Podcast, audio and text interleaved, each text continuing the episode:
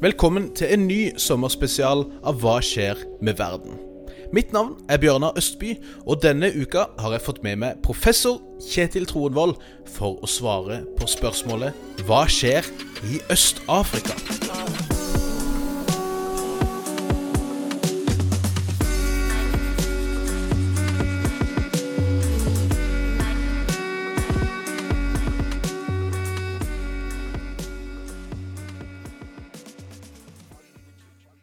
Hei og hjertelig velkommen til en ny sommerspesial av Hva skjer med verden? Denne podkasten for deg som er interessert i internasjonal politikk og krig og fred og alt det der midt innimellom. I dag er jeg så heldig at jeg har fått med meg selveste Kjetil Tronvold, kollega og professor her på Bjørknes høgskole. Hjertelig velkommen, Kjetil. Tusen takk for at du inviterte meg, Bjørnar. Det er en glede, vet du. Kjetil er jo en av våre fremste eksperter på Afrikas Horn spesielt, men også på Tanzania og Zanzibar, og er jo på mange måter en sånn internasjonal go to guy på alt som har å gjøre med etiopisk politikk. Og denne uka så har jeg utfordra Kjetil til å bli med her for å fortelle oss litt om hva som skjer i Øst-Afrika. Øst-Afrika er en kjempespennende region. Det er tradisjonelt sett en ganske konfliktfylt region. Og det er en region som går en veldig spennende og utfordrende høst i møte. Det er jo en hel rekke forskjellige kriser som preger regionen akkurat nå, og vi skal prøve å zoome inn på tre stykker. Vi skal snakke litt om koronakrisa, om en etiopisk nasjonal krise og en gryende regional krise rundt Nilen. Så Kjetil, jeg tenker vi bare kan dundre i gang med å starte med koronaen i Øst-Afrika. Det har jo vært snakk mye, egentlig, helt fra starten av om hvor forferdelig det kommer til å bli når koronaen virkelig treffer Afrika. Det var mye sånn doom and gloom-type dekning her. Hva vet vi egentlig om, om hvordan koronaen har rammet spesielt Øst-Afrika, og er det på en måte så synlig som vi gjerne tenker at det kommer til å bli? Vel, hittil er det ikke så synlig. Og det kan det være flere årsaker til. At vi ikke har de høye dødstallene eller statistikk på syke i, på nasjonalt nivå. Det kan være at de ligger fortsatt litt tidlig an i løpet av utviklingen av smitten. Mm. Eh, det var jo det kontinentet som kanskje kom sist i så måte. Og så er det en rekke andre faktorer da, som kan forklare at hvis smitten har vært til stede i, på kontinentet en stund, hvorfor er det ikke da flere sykdomstilfeller og, og dødstilfeller enn det som er registrert hittil? Mm. Og Da kan det jo være så enkelt at de har dårlig registreringskapasitet, rett og slett. Mm -hmm. eh, som all statistikk fra afrikanske stater, så skal ikke det tas med bare én klype salt, men med kanskje en trillebår med salt. For det er en særdeles dårlig institusjonsrapportering på nesten alle saksfelt. Mm. Men likevel, det dekker ikke det faktum at øh, man har jo både personlige nettverk, men forskere fra mange land, afrikanske land, i tillegg til internasjonale, gjør jo jobber på dette nå, og mm. finner ikke de, den utbredelsen man fryktet ennå. Mm. Og Der lanseres det da flere hypoteser på hvorfor ikke det er tilfellet. Mm. En er jo klima. Eh, Influensatype viruser som dette er, trives best i kaldt klima. Mm. Eh, Afrika er slettes ikke det. Mm. Eh, og dermed er det mindre smittekapasitet. Utviklingen av viruset som sådan også tyder på at det har en svakere smittekapasitet. Og hvis dette er en senere strain av viruset som har kommet til Afrika, så derfor mindre smittespredning. Mm. En særdeles ung befolkning trekkes også frem. Ja. Eh, vi vet jo fra Europa at det er de eldste eh, som blir truffet hardest når det gjelder sykdomstilfeller og død. Mm. Medianalderen i Nigeria f.eks. er 19,7 år, hvorav den i England er 49,5 år. Så det er jo liksom en, en helt annen demografisk sammensetning av de mm. afrikanske landene enn i Europa som også kan forklare mye. Mm, mm. Og Samtidig så er det jo et kontinent hvor andre infeksjonssykdommer er eh, sterkt utbredt. Eh, både diverse salmonellainfeksjoner, men malaria, og du har, eh, du har eh, andre typer eh, virus og, og, og bakteriesykdommer. Mm. Og det kan jo tale til både en negativ, men også en positiv fordel. Det negative at man da har flere underliggende svakheter i befolkningen, og dermed er, kan man få et større skadetilfelle av covid. Men det kan også være det at man har opparbeidet en viss grad av resistens. Mm. Eh, eller det faktum også at de svakeste allerede er døde av andre sykdommer. Ja, og dermed ja, treffer ikke dette så hardt. Så det er et ganske sammensatt bilde på afrikanske kontinenter hvorfor vi ennå ikke ser covid. Mm. Men det er for tidlig å konkludere, selvfølgelig. Og utviklingen eh, går jo der også. Og spredningen eh, tyder jo på at det blir mer rurale tilfeller nå den siste par mm. ukene enn det vi har hørt tidligere. Mm, mm. En av de tingene som det har vært snakk en del om når det gjelder korona i Afrika, det er jo det at WHOs liksom, go to-løsning i møte med koronaen, det er jo lockdown. Folk må holde seg hjemme, de må jobbe fra hjemmekontoret osv. Det er jo ikke akkurat en løsning som er skreddersydd for Afrika sør for Sahara, for å si det sånn. Kan du si noe om hva vi vet om hvilke konsekvenser det har hatt på, på de samfunnene som har prøvd å tilpasse seg med slike løsninger? Ja, og det, det er jo en eh, løsning som er tilpasset den moderne statsapparat eh, med de kapasiteter det har på helse- og sosialsiden, mm. og den moderne økonomien, altså mm. formaløkonomien. Og dermed treffer ikke det de afrikanske statene i det hele tatt, kan nei, du si, med noen få unntak. da. Hvor du har en uh, uformell sektor, som er den dominerende økonomiske sektoren, hvor du har særdeles liten kapasitet når det gjelder helsetilgang, uh, mm. særlig for den rurale befolkningen, og det er en predominant rural befolkning i Afrika. Og du har um, ikke noe safety net fra statene sin side. Altså Det er ikke noe Nav du kan Nei. gå til for å si det sånn, for å få den støtten du trenger mm. eh, når du mister jobben. Så det har vært en veldig drastisk inngripen. Det at de fleste landene også har kjørt en, i hvert fall en semi-lockdown-type mm. eh, strategi hvor du da får massearbeidsløshet i uformell sektor. Jobbene bare forsvinner over natten. Ja, ja. Og dermed den lille inntekten du fører deg selv og din familie på.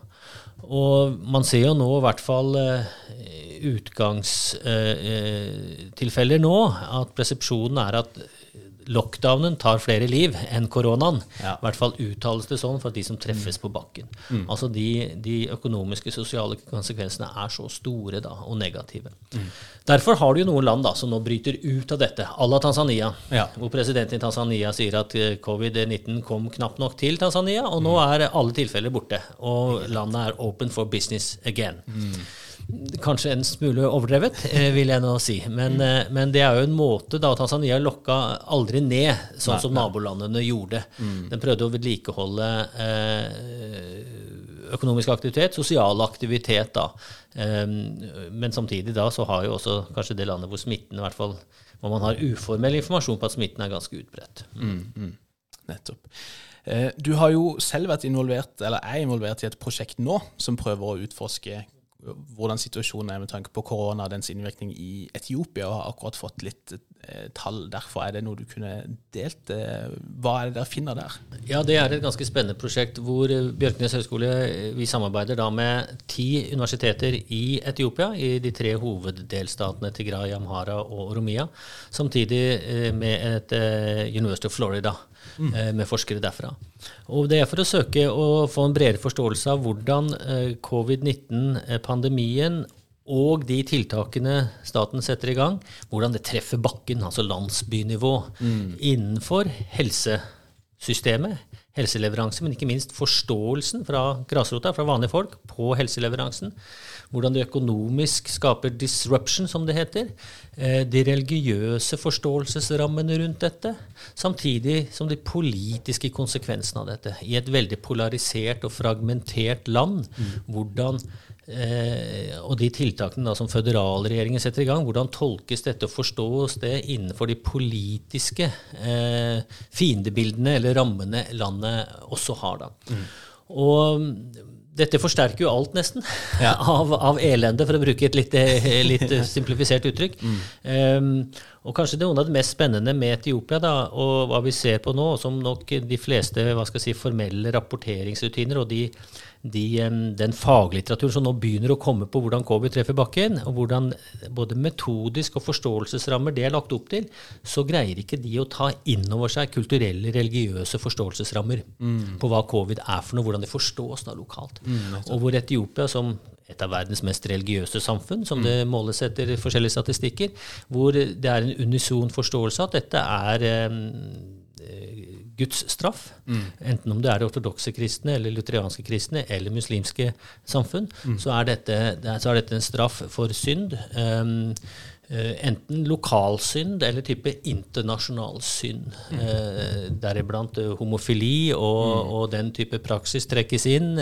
fra det, fra, det, mer internasjonale diskursen. Mm. At Etiopia må stå mot det. Men samtidig, da, siden det fortsatt spres i Etiopia, så må det være noe lokal synd. Men samtidig ja. tror jo folk da på den um, Ethiopian exceptionalism, som det kan kalles. Mm. Det at dette er jo eh, verdens eldste kristne samfunn, altså den nest eldste statskirken i verden i Etiopia, fra 325. Mm. Eh, de har Den hellige ark i Aksum. Mm. Og spennende nok, Den hellige arken har blitt tatt ut og, og blitt eh, prosedert rundt i Aksum by i Nord-Etiopia for å slå tilbake da dette djevelens virus.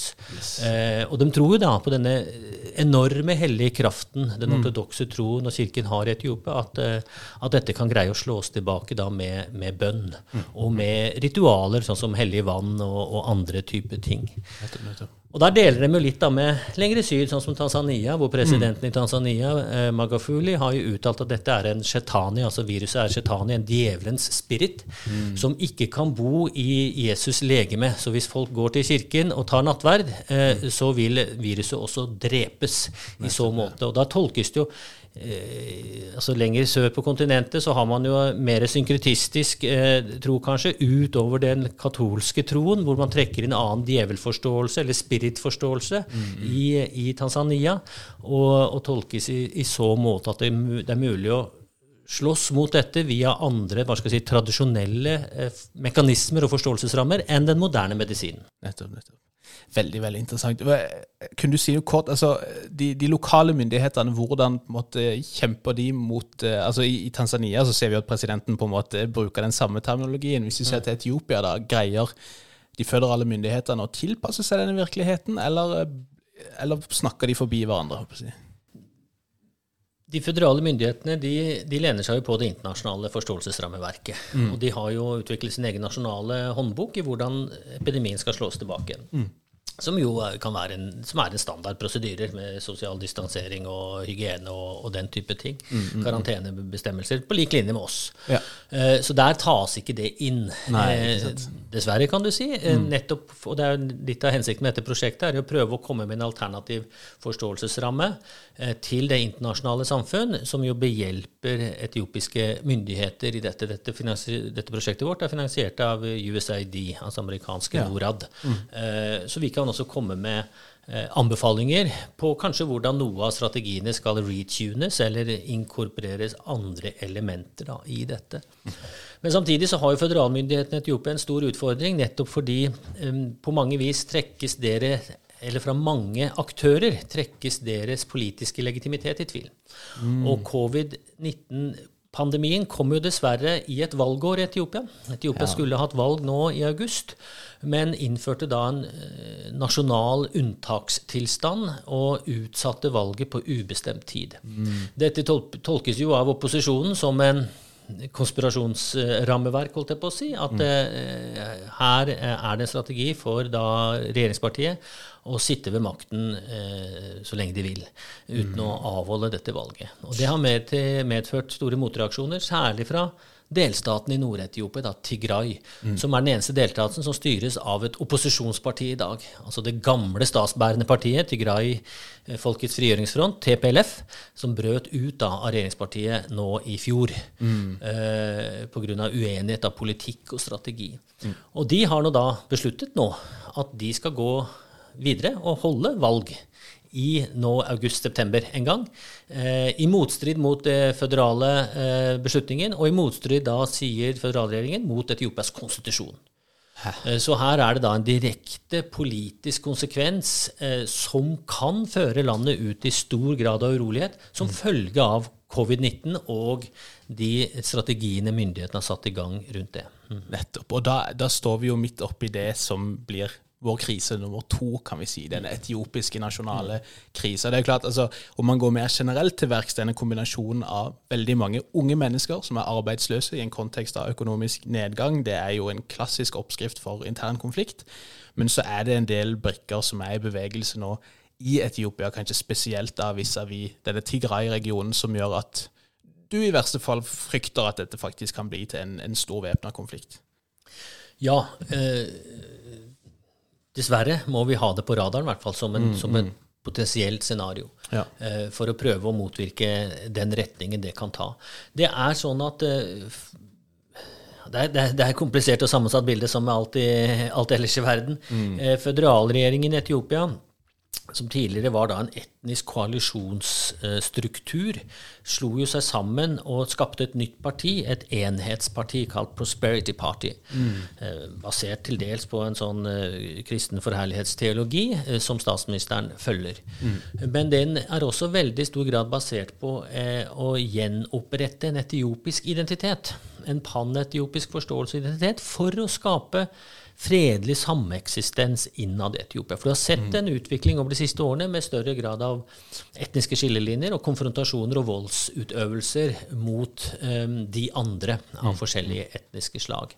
Og, og, Derfor er det fornuftig å få dempet det. Og, og statsministeren mener da at uh, den beste strategien er å lage et nytt parti mm. og begynne å snakke om Etiopia igjen og etiopisk samhold og, og en sentralregjering med en annen forståelse enn en etnisk føderal statsinndeling. Mm. Og, og, det kan høres veldig fornuftig ut. Mm. Um, og det er jo en del støtte til han fra forskjellige grupperinger i Etiopia rundt det. Mm. Men sånn som jeg tolker, og de fleste andre tolker det mainstream, hovedinteressen i Etiopia, er å videreføre og faktisk effektivt implementere føderasjonsmodellen, mm. som aldri har fått lov til å bli implementert. For sentralregjeringen har alltid holdt dette tilbake. Så det har vært en papirkonstitusjon og ikke en gjennomført føderal modell. Mm. Og da, når flere forskjellige folkeslag ser at statsministeren begynner å snakke om at man skal trekke tilbake eller tone ned de politiske eh, rettigheter eh, etniske grupper har, så har det skapt en stor grad av frykt mm. og en stor grad av etnonasjonalistisk mobilisering mm. blant mange folkeslag, særlig Sør-Etiopia, ja, som ja. nå ber om egne delstater status. Og det gir jo etiopiske konstitusjonen lov til at alle etniske grupper kan opprette en egen delstat direkte under føderasjonen. Mm. Sidama-gruppen i sør, som er en av de større folkegruppene der, med snaut fire millioner mennesker, fikk nå endelig sin mm. delstat. Endelig, sett i lys fra sidamaene, som har slåss om det for dette i tiår. Mm. Nå i, for et par uker siden bare fikk de endelig transfer of power for sitt egen da, regionale delstat. Mm. Men så står det en håndfull andre som slåss om det samme. Og samtidig da så har han da Tigray-regjeringen i Nord-Etiopia, som jo er den definitivt sterkeste aktøren politisk i landet. Kanskje, mm. kanskje til og med sterkere enn føderalregjeringen på noen vis, ja, når det gjelder ja. politisk konsolidert, konsolidert og kapasitet. da. Mm. Og Tigray-folket eh, Nå skal man ikke sammenstille partiet TPLF med folket sånn som ett, men Tigray-folket har jo følt en større grad av usikkerhet og utrygghet i Etiopia. De har, føler seg, i hvert fall mange av dem, eh, uglesett og forfulgt. Mm. Og presset og intimidert. Eh, og føler seg ikke trygge lenger innenfor det etiopiske rammeverket. Og mm. mange av de, særlig da som du trekker frem, ungdommen og de unge intellektuelle, de ser da som den endelige løsningen på sine problemer, individuelle og kollektive problemer, er jo en uavhengig stat. Mm. Og en løsrivelsesprosess. Og det har du da Inni alt dette andre ja. kommer dette opp. En sterk, sterk driv eh, mot en eh, økende grad av autonomi og eventuelt løsrivelse for Nord-Etiopia, for Tigray. Mm, mm. Så da skal man huske på at dette området, dette landet, ligger jo da i en region som har verdens to nyeste stater, mm. med Eritrea i 93 og Sør-Sudan eh, nå for noen år siden. Og samtidig har Somaliland som en eh, ikke-suveren statsdannelse, og flere andre statsprosesser in the mm. making. Her er ikke kartet skrevet ennå. Det er ikke tegnet. Nettopp, nettopp. Og vi kan nok få nye dynamikker i dette pga. denne interne presset som Etiopia nå har. Mm. Og, så det er et særdeles interessant eh, felt å følge. Og allerede i løpet av sommeren kan dette utvikle seg særdeles mer negativt, da, med tanke på mm. da den valgforberedende prosessen til Grai-regionen nå har startet. Ikke sant. Så du har jo en situasjon med uro i nord, men også i øst, for så vidt, mot Somalia, der det også har vært eh, flere veldig voldsomme trefninger mellom disse forskjellige delstatene i Etiopia, og også der det er store politiske prosesser som kan eh, forkludre dette bildet desto mer. Da. Ja da, eh, dessverre er det jo sånn at eh, de delstatene i Etiopia som er semi-etnisk definert, og en etnisk gruppe befester jo ikke helt konkret territorie versus mm. grenser mot andre etniske gruppers territorielle innflytelse. Yes. Og med århundrer eller årtusener av migrasjon mm. opp og ned og frem og tilbake, så er jo grensene på bakken, de territorielle grensene, ganske diffuse rundt etniske grupper. I hvert fall flere steder. Mm. Og dette har jo medført over de siste årene at du har hatt eh, store konfrontasjoner og væpnede konflikter innad i Etiopia mm. mellom da etniske grupper som vil befeste sine territorielle claims, som har medført at Etiopia i fjor og forfjor var verdens, eh, toppet rankingen av verdens eh, land med flest internt fordrevne pga. konflikt. Mm. Opp mot tre millioner mennesker var internt fordrevne pga. Ja. konflikt i fjor i Etiopia. Det er ganske høyt land, mm. høyt tall. Eh, og, det, og, det, er stort sett mellom De fleste delstater har sånne territorielle claim versus de andre. Mm, mm. og um, igjen, når man snakker om Tigray, så har jo Amhara-regionen, som er sør for Tigray, eh, flere politiske aktører der i lederskapet legger jo claim på store deler av Tigray og sier at dette er vårt, og det er TPLF som snøt oss fra dette når de lagde det nye etniske kartet i 1994. Oromo-delstaten, den største delstaten som faktisk grenser til de nesten alle andre delstater i landet, har vel eh, territorielle disputter med samtlige av sine nabodelstater. Og sånn kan du bygge deg nedover på, på de administrative nivåene under delstat til sone, til mm. distrikt og til kommune, som da er etnisk definerte enheter. Så sånn sett så, så er jo modellen den etnisk-føderale modellen ganske utfordrende å håndheve, da. Ja, ja. for å si det vilt. Mm. På sidelinja her så har vi jo en, eh, en, kar som har fått mye oppmerksomhet nettopp fordi han langt på vei var med på å sikre Abiy Ahmed sin fredspris, nemlig president Isaias i Eritrea. Eh, hvordan forholder han seg til dette endrende bildet i, i Etiopia, sånn som det er nå, tror du? Ja, Det er en eh, utrolig interessant problemstilling som vi vet dessverre altfor lite om. Mm. Vi vet jo at de to stats- eller regjeringssjefene, eh, president Isaias Abuarki av Eritrea og Abiy Ahmed i Etiopia, de snakker sammen jevnlig. Mm. Og president Isaias besøker Etiopia jevnlig og har samtaler da med Abiy Ahmed og hans svært lukkede indre sirkel. Mm, og så besøker han kanskje noen delstater eller noen prosjekter utenfor Addis Abeba. Mm. Og han har jo hatt da besøk både i Oromia-delstaten, selvfølgelig, men også Amhara-delstaten eh, direkte. Og pussig nok, eller kanskje ikke så pussig, eh, når det kommer til konfliktens kjerne, er at han ikke har besøkt den delstaten som er nærmest han selv, altså som grenser til Eritrea, og det er Tigray. Og som er det samme type folkeslaget eh, tilbake i historien, med samme språk og kultur og, og religion som høylandet i Eritrea, mm. Tigrinya-folket. Uh, og det er der konflikten, uh, dimensjonen, er tilspisset, altså mellom Eritrea og Tigray, mm. uh, pga. den historiske Både ideologisk, men også den siste krigen 1998-2000. Og, og, da Det er jo mange som tolker Isaias Ahwerkes interesse i Etiopia nå, og med å, å støtte opp under Abiy Ahmed som en del av dette langsiktige alliansespillet og den langsiktige strategien Isaias har med å knuse TPLF one time for all. Mm, altså mm, mm. marginalisere og ødelegge dem helt som en politisk aktør i regionen. Mm. For han ser på det som sin sterkeste trussel. Samtidig hører vi rykter om at eritreisk etterretning er vel plassert tilbake i Addis Abeba og Hæ? bistår med noen utrenskninger eller, eller eh, etterforskninger, for å bruke det uttrykket, uh, yes. mot opposisjonelle. Uh, eritreerne uttrykker en større grad av bekymring. altså De eritreiske flyktningene i Etiopia mm. uttrykker en større grad av bekymring over at eritreisk etterretning nå forfølger dem der. Det er ikke noe safe haven lenger i så måte. Uh, og man kan jo lure på da hvorfor så lite av um, disse bilaterale samtalene, hvis man kan kalle det det, er offentliggjort. Mm. Hva slags avtaler ligger til grunn, eller hva slags premiss ligger til grunn for samtalene? Hva slags avtaler kommer ut av samtalene? Hva slags forståelsesrammer er det Etiopia har versus Eritrea? Mm. Osv. Det er mer eller mindre ingen transparens i dette. Eh, Og det igjen skaper kanskje negative, uintenderte konsekvenser av andre politiske aktører i Etiopia og regionen, da, som tolker dette ut fra et konspirasjonsteoretisk perspektiv, mm. siden det ikke forelegger noen offentlig informasjon rundt det.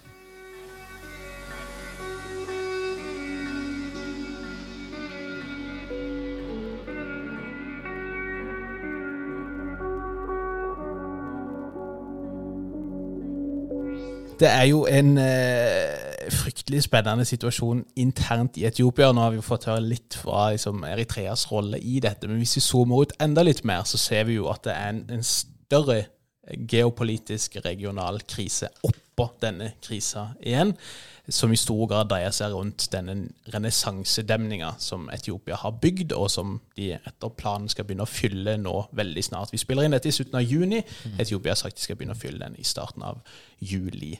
Um, og det er en veldig spennende situasjon som jeg håper du kan eh, hjelpe oss med å forstå litt mer av. og liksom, hva, Hvor står vi nå? Det har vel vært flere samtaler mellom Egypt, Sudan og Etiopia nylig. Egypt ba vel om hjelp fra FNs sikkerhetsråd til å prøve å komme til en enighet her.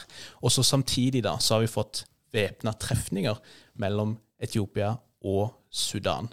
Har eh, denne fredsprisvinneren blitt en slags eh, krigshisser? Hva, hva, er vi, hva, er det vi, ser for noe her nå? Kan det hjelpe oss med å forstå det? Ja, vi kan prøve å ta dammen først. Gerd-dammen, som det heter. Mm. Den store renessansedammen, som da eh, ligger på Blånilen. Eh, på etiopisk side opp mot grensen til Sudan. Mm. Blånilen leverer jo ca. 80% av vannet til Nilen, som mm. renner da gjennom Sudan og Egypt ut i Middelhavet. Og dette er jo eh, verdens eh, hva skal jeg si, eldste vannvei, i den forstand at eh, Egypt gjennom årtusener har brukt Nilens vann og oversvømninger som som grunnlag for sin rikdom og, og, og samfunnsutvikling, mm. som før da deres jordbruk. Og i dag ikke bare jordbruk, men også elektrisitetsforsyning i Avashdammen osv. Så, mm. så Egypt er jo, og sier jo, dette er 100% avhengig av Nilen i sin samfunnsstruktur, og de ser på et hvilket som helst forsøk på å begrense eh, nedstrømsaktivitet som en direkte trussel mot deres eksistens. Altså det er sterke ord, og, mm. og, det er helt reelle ord i så måte. Mm, mm. Og, og, da, eh, for å gjøre en lang historie kort Etiopia eh, det var jo en tidligere koloniavtale som regulerte og sa at det er bare Egypt og Sudan som får lov til å bruke Nilens vann. Mm. Etiopia, som leverer 80% av vannet, hadde ingen say i dette. Og selvfølgelig, når Etiopia nå etter årtier med konflikt og uro og fattigdom har greid å utvikle seg og utvikle sin statskapasitet såpass mye at de sier at nå er det vår tid, mm. til også å høste litt av det potensialet vi har med våre vannressurser. Mm. Etiopia har jo enorme vannressurser. Det er 80% av Afrikas høyland ligger i Etiopia. Så de har jo flere elver som de har nå neddemt, mm. og vil, vil, utvikle seg selv til å bli den største elektrisitetsleverandøren eh, i Afrika. Yes. Som eksport. Ikke bare til eget bruk, men også mm. for eksport. Mm. Og Blånildammen, altså Gerdammen, er helt essensiell i det sammenhengen. Mm. Og så har det vært da frem og tilbake med, med rettighetene rundt dette. For Etiopia da avviste de gamle koloniavtalene og kom til en ny omforent avtale med oppstrømslandene. Mm. Um, Declaration of Principles, som den het. Hvordan dette skulle forstås. Egypt avviste dette senere, og så eh, har forhandlingene gått frem og tilbake, opp og ned, over flere, flere år, før de nå, tidligere i år, prøvde man å nå en eh, løsning ved hjelp av amerikansk eh, mediation, som det het. Ja. og hvor den amerikanske løsningen som Trump eh, og hans eh, handelsdepartement og alle ting lanserte, var at det er Egypts interesser som skal beskyttes. Ja, ja. Og Etiopia må bare føye seg etter hva skal jeg si, det diktatet eh, som ja. USA eh, la på bordet. Mm. Og er det én ting som provoserer etiopiske politikere eller folk, uavhengig av hvem som sier det, så er det diktat fra utenforstående. Mm. Eh, så selvfølgelig skapte det enorme reaksjoner i Etiopia, og, og forhandlingene ble brutt. Mm. Uh, og Etiopia sa bare at vi, vi, vil go ahead og fylle dammen uh, fra midten av juli av. Mm. Uh, nå har det heldigvis, i, bare for en uh, forrige uke, for ti dager siden, startet forhandlingene igjen mm. uten USA. De er helt ute i kulden. Etiopia stoler ikke på dem i denne sammenhengen. Men de trekantsamtalene da, mellom Sudan, Egypt og Etiopia Sudan står og balanserer litt imellom. Nå holder de med Egypt. Tidligere var det litt nærmere Etiopia. Eh, De lar seg påvirke hva skal jeg si, av andre insentiver også. Ja, ja, Eh, og det de det Etiopia nå har sagt helt sist, er at vi har to uker på oss til å komme til en løsning. Vi begynner fyllingen av dammen ca. 15. juli. For det er midt i regntiden nå i høylandet i Etiopia. Så det er nå man må begynne fyllingen. AU har heldigvis kommet litt på banen og er med da som en type fasilitator eller lytter til prosessen. Um, og det er tre kjernespørsmål, eh, hovedutfordringer, som gjenstår. eh, kan du si. Det er både altså det er den juridiske statusen til en avtale, som endelig ikke er avklart. Eh, hva skal man gjøre i år hvor det er tørke? Skal Etiopia fortsatt få lov til å bruke av det lille vannet til å fylle dammen? Ikke sant? For dette tar jo mange mange år å fylle opp denne dammen. Mm. eller skal man la alt da passere gjennom til Egypt? Eh, og så er det da hvordan skal man eventuelt løse fremtidige konflikter rundt dette? Ja. Eh, hvor Egypt eh, går for en type bindende arbitration, en internasjonal domstol. Men hvor Etiopia ikke ønsker det, men vil ha forhandlinger og eventuelt mediation. da. Etiopia har jo svidd sine fingre på en bindende arbitration når det gjelder Eritrea-Etiopia-krigen og territorielle disputten der, så de, Ja, de har eh, mindre tillit nå til det internasjonale systemet i så henseende. Mm. Og disse tre tingene trenger jo ikke å være så veldig vanskelig å løse, men samtidig er det veldig vanskelig å løse. For det er nasjonal suverenitet, nasjonale interesser, eh, økonomi og sikkerhetsinteresser som da smøres sammen her sånn. Mm. Um, og de har to uker på å løse det. Eh, kommer de til å greie det? Eh, no way in hell, spør du meg. Nei, Eh, de kommer til å få til det. Men det er ikke dermed sagt at det bryter ut en konflikt om to uker. For eh, hvis Etiopia begynner fyllingen da 15.07 ca., Mm. og da har de sagt at det er ca. en tiendedel av vannstrømmen som skal holdes tilbake for å fylle opp reservoaret. ja, okay. Og det vil ikke påvirke noe særlig nedstrøms. Mm. Det vil i hvert fall ikke påvirke hvis både Sudan og Etiop E- Egypt bruker sine oppdemmede ressurser Mm. til å fylle på de 10% som mangler, så er, vil ikke ha noen påvirkning nedstrøms det nærmeste året eller to. Så man har jo da et lengre tidsvindu med å forhandle hvis man eh, går i det. Men eh, Egypt har mobilisert og raslet med sine sabler, eller rettere sagt med sine jagerfly. Mm. de eh, spekuleres i om Egypt skal ha en militærbase enten i Sudan eller Sør-Sudan. De gjør sine hoser grønne for begge regjeringer, så de kommer nærmere grensen til Etiopia. I tilfelle det blir en militær konfrontasjon. Ikke sant. Samtidig som Etiopia eh, også hva skal jeg si, mobiliserer både retorisk og militært. Eh, Abiy Ahmed, fredsprisvinneren, har jo blitt beryktet i de uformelle diplomatiske kanaler de siste to årene med hans eh, særdeles eh, store interesse til å ha våpeninnkjøp. Storskala våpeninnkjøp til Etiopia. Som eh, mange finner litt pussig. Ja, ja, ja. Ja, du, eh, du har snakka om at til, og med altså, kjernevåpen har stått på hans eh, Det er et eh, ønskeliste. veldig infamøst brev som er lekket, eh, og det er bekreftet at det er sant, hvor Abiy Ahmed ber franskmennene om eh, å få lov til å kjøpe da eh, air to ground missiles, som er radioaktive, eller nuclear warheads. Yes. Og Frankrike hadde store problemer med å må, må ta det seriøst, men hvordan, hvordan avvise dette. Ja, ja, ja. Og når Abiy Ahmed var her i Oslo under Nobelprisen, så er det jo, sa jo etiopiske myndigheter i ettertid, eller talspersoner i ettertid, at Abiy også spurte Norge om uh, våpenhjelp. Altså at Norge skulle da gjenoppbygge den etiopiske marine. Noe som statsministerens kontor her eh, senere eh, avviste, men uh, fra etiopisk side så var det forståelsen. Så, så han um, Og det, altså hvilken som helst stat har rett til å gjøre, eh, ha et forsvar til å forsvare seg selv. Og dette er den, en av de mest urolige regionene i hele verden, så det er helt naturlig at Etiopia eh, har et fokus på sitt eget nasjonale forsvar. mm. Selvfølgelig, eh, når de har de nabolandene de har. Men det er jo litt paradoksalt med tanke på eh, fredsprosessene eh, han har blitt eh, belønnet fra Nobelkomiteen for også, da. Ikke sant. Ja, ja, og der, der er det en liten pussig ting, hvis jeg får lov, Bjørnar. Bare for å, som, som dessverre ingen medier i Norge har fanget opp. Men eh, la, la du få Scoop-prisen Ja, eh, for dette. Det er jo at eh, det har jo vært en kampanje blant aktører i Etiopia om å delegitimere fredsprisen til Abiy Ahmed. Mm. Og det har også vært en kampanje mot Nobelkomiteen om at de bør trekke prisen tilbake ja, pga. Ja. de nye menneskerettighetsbruddene og de nye konfliktdynamikkene som pågår i Etiopia i dag. At det er ikke noe grunnlag for den eh, prisen han fikk da i fjor. Nei, nei, nei. Og særlig da en uttalelse fra tidligere utenriksminister i Etiopia, Sio Mesfin, på et TV-intervju i Etiopia, som sa at eh, Nobelkomiteen angret på prisen. Mm. Eh, noe som faktisk medførte at for første gang i historien, så vidt jeg kjenner til, og vi har spurt også da eh, sekretæren til komiteen, ha, eh, som medførte da at eh, komiteen eh, og Nobelinstituttets direktør gikk ut med et offentlig brev eh, ja. som avviste dette, og mm. sa at komiteen står fullt ut bak utdelingen mm. til Ahmi Ahmed.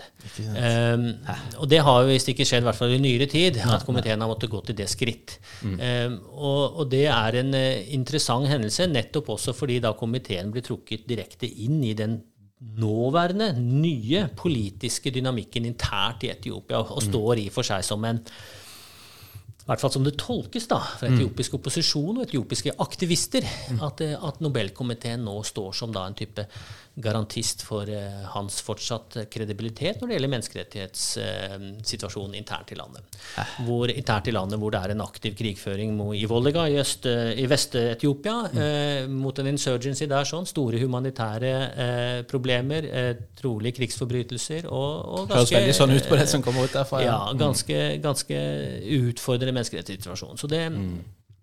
Det er jo et interessant en, en norsk vinkling også til det ja, som foregår da i Etiopia, bare for å tillegge det òg. Mm. Absolutt. Mm.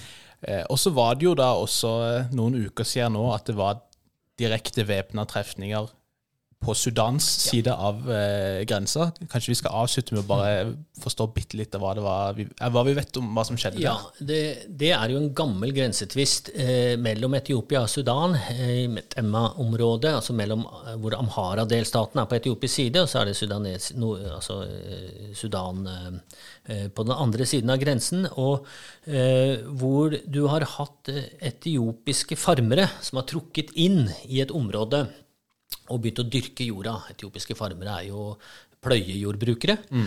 Og de folkeslagene som bor på sundanesisk side, er mer pastorale. Mm. Og dette er jo klassisk konflikt over store deler av Afrika. Mm. Konflikten mellom de, de, settled agriculturalist og pastorale eh, eh, folkeslag. Men eh, også har denne, denne type eh, det som er forstått, da, i hvert fall fra sudanesisk side, som en ekspansjon av etiopiske eh, farmeområder, eh, det har blitt eh, stilltiende akseptert, og man har kommet til type lokal forståelse. Greit nok, dere kan gjøre det. Uh, og så var det for noen år siden, under det tidligere uh, regjeringssjefen i Etiopia, under Melesenavi, så sa, innrømte vel han at ja, dette er opprinnelig sudanesisk territorium, men mm. vi fikk en avtale på dette uh, med, med, at farmerne kan fortsette der. Mm. Og av en eller annen grunn har dette nå eskalert inntil et par-tre trefninger, da, hvor eh, på sudanesisk side er det forstått som at eh, både Amhara delstatsmilitia mm. med støtte fra føderale militære styrker, altså føderale hæren, har angrepet eh, sudanesiske grensesoldater eller, eh, som mobiliserte på, for å beskytte sine. da. Mm. Det har ikke vært noen store trefninger. Det har vært en håndfull døde, eh, fortrinnsvis på sudanesisk side. Eh, og det var to runder med aktive trefninger. Nå er det blitt dempet den siste uken igjen. Mm. Eh, og de har samtaler om å få løst dette. Mm. Men når man ser dette som et mikroperspektiv av en konflikt, hvordan det manifesterer seg på en grenseovergang eller et, et, et tvistterritorie, samtidig som du har den makrolevel-konflikten mellom Khartoum og Addis Abeba rundt renessansedammen og andre interesseområder, hvor Egypt, Eritrea, eh, Saudi-Arabia, Emiratene, Qatar, mm. you name it, er involvert på et eller annet vis. Ja så kan dette være en triggering factor hvis ikke det blir behandlet da via en adekvat forhandlingsprosess. Mm. Eh, og den der skaleringen fra en liten grensekonflikt, det kjenner vi igjen fra 1998. Når det var noen, 1997, når det var noen bønder som flytta en grensestein som sa at her er min teig versus din, mellom mm. Tigray og Eritrea, ja. eh, som medførte mobiliseringen og Eritreas invasjon og invasjon året etter i Tigray, og da mm. starten på den store bilaterale krigen mellom Eritrea og Etiopia i 1998. Afrikas største krig den gangen. Eller verdens verdens største krig den gangen. Så man skal ikke overse sånne små eh, grenseforståelseskonflikter på bakken mellom, mellom disse landene. Med det så tror jeg vi må gå inn for eh, landing. Det er utrolig mange spennende prosesser på gang i eh, Øst-Afrika, og spesielt da hvis vi tar utgangspunkt i eh, Etiopia. Du kommer til å følge nøye med. Vi skal prøve å følge med så godt vi kan. Og så er det ikke utenkelig at vi må ta en liten oppfølgingsepisode en senere gang for å ta tempen på hva som skjer i Øst-Afrika. Tusen hjertelig takk, Kjetil. Takk for at du inviterte meg. Det blir ingen sommerferie for oss som følger Etiopia-Afrikas Horn, i hvert fall. Det gjør det ikke, men vi ønsker en god sommer videre likevel.